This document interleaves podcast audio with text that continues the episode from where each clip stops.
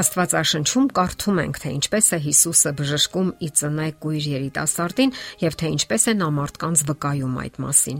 Մի մարդ, անունը Հիսուս, կավ շինեց, աչքերիս սկսեց եւ ինձ ասաց. Գնա Սելովամ եւ լվացվիր։ Գնացի, լվացվեցի եւ ահա տեսնում եմ։ Այստեղ տեսնում ենք, թե ինչպես երիտասարդը առանց որևէ առարկության հետևում է Հիսուսի խորհրդին եւ արդյունքում բուժվում է։ Նա ուներ ազատություն հետևելու կամ չհետևելու այդ խորհրդին եւ բնականաբար պատասխանատվություն էր կրում իր ընտրության համար։ Այո, կա այդպիսի պատասխանատվություն մեր փրկության գործընթացում։ Իսկ ինչ տեղի կունենար շկույրի հետ, եթե հրաժարվեր լսել Հիսուսի հրահանգը, գնա Սելովամի ավազանը եւ լվացվիր։ Այդ մարդը պարզապես չէր փրկվի։ Իսկ ընդհանրապես ինչ կարող է անել Աստված այն մարդու համար, ով մերժում է նրա առաջարկությունը։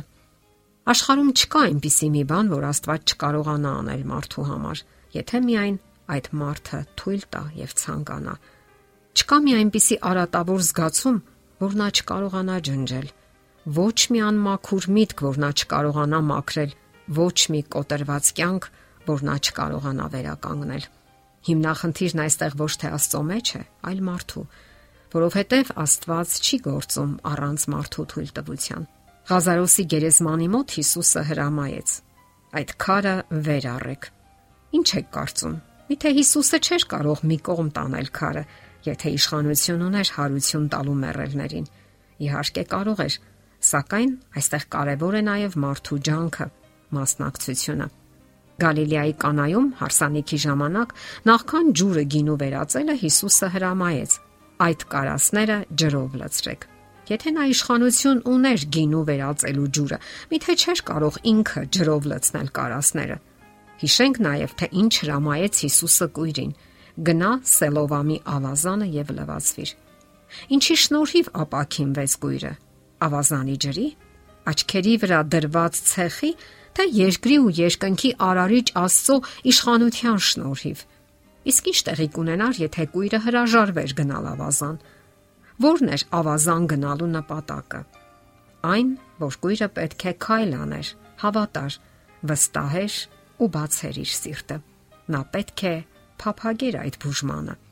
Այսօր աշխարհում մենք տեսնում ենք, որ մարդկանց մեծ մասն իրականում ազատություն չի ցանկանում որովհետև այն ենթադրում է պատասխանատվություն։ Իսկ պատասխանատվությունը մարդկանց մեծամասնության համար սարսափելի է։ Սա դրսևորվում է հատկապես Աստծո հետ փոխհարաբերություններում, երբ մարդիկ ասում են, որ կամքի ազատություն չկա, որpիսի հուսափեն իրական պատասխանատվությունից։ Գաղտնիք չէ նաև, որ այսօր շատ մարդիկ քայլ չեն անում, որpիսի ընդունեն Հիսուսին որպես իրենց անձնական փրկիչ, որովհետև վախենում են որոշում ընդունելուց վախենում են պատասխանատվությունից։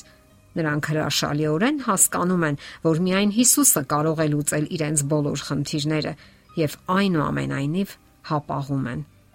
Վախերը, կասկածներն ու նախապաշարումները խանգարում են նրանց, որpիսի կատարեն վճռական քայլը եւ այո ասեն Աստծուն։ Ինչ կարող է անել այս դեպքում Աստված այն մարդկանց համար, ովքեր վախենում են իրենց սիրտը բացել նրա առաջ եւ օգնություն խնդրել։ Եկեք ուշադրություն դարձնենք մի կարևոր երևույթի, որը կոչվում է նախապաշարում։ Մարդկանց կյանքում շատ նախապաշարումներ կան։ Հովանեսի ավետարանում խոսվում է մարդկանց 3 տարբեր խմբերի մասին։ Նրանք տարբեր վերաբերմունք ունեին Հիսուսի հանդեպ։ Առաջին խումբը ազնիվ հելենացիներն էին, Նրանք հետևեցին Հիսուսին, թեև պատկերացնում էին, որ հետագայում դա կարող է խնդիրներ առաջացնել, քանի որ այնքան էլ հեշտ չէր պահպանել քրիստոնեական նոր սկզբունքները սեփական մշակութային միջավայրում։ Երկրորդ խմբի մարդկանց մասին մենք կարդում ենք. ու թեև նա այնքան նշաններ էր արել նրանց առաջ, նրանք չէին հավատում նրան։ Կա արդյոք ավելի մեծ կուրություն, քան երբ մարդը չի ցանկանում տեսնել։ Այսօր թերահավատության դար է, երբ մարդիկ ցանկանում են ամեն ինչ ստուգել լաբորատորիաներում։ Մենք պատրաստ ենք հավատ դրսևորել շատ ոլորտներում, բացի հոգևոր ոլորտից։ Մենք տեսնում ենք արեգակը, սակայն չենք հավատում Աստծուն, ով ստեղծել է այդ հզոր լուսատուն, որովհետև չենք տեսել նրան։ Սակայն տեսնելով ժամացույցը մենք հայտարարում ենք, որ դա ժամագործն է պատրաստել, թեև այս դեպքում էլ երբեք չենք տեսել նրան։ Այդպիսի մարդիկ Հիսուսի ժամանակներում էլ կային։ Ու թեև այնքան նշաններ էր արել նրանց առաջ, նրանք չէին հավատում նրան։ Աստվածաշնչում մարդկանց վերջին խումբը բնորոշվում է այսպես. Բայց եւ այնպես իշխաններից շատերը հավատացին նրան, սակայն փարիսեցիների պատճառով չէին դավանում, որ ժողովարանից դուրս չգծվեն, որովհետև մարդկանց փառքը ավելի սիրեցին, քան Աստծո փառքը։ Ահա թե որտեղ է խնդիրը։ Մարդկանց փառքը։ Այսօր էլ շատ մարդիկ գիտեն ճշմարտությունը, սակայն պրոֆեսիոնալ կամ արհեստավարժ, սոցիալական կամ կրոնական նախապաշարումները թույլ չեն տալիս նրանց հրաժարվելու ավանդույթություններից։ Նրանք հարցնում են.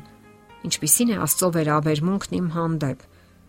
Այո, Աստված գտա սիրտ է, սակայն այնքան ժամանակ, քանի դեռ շարունակում է թակել մարդու սրտի դռները եւ սпасում է նրա որոշմանը։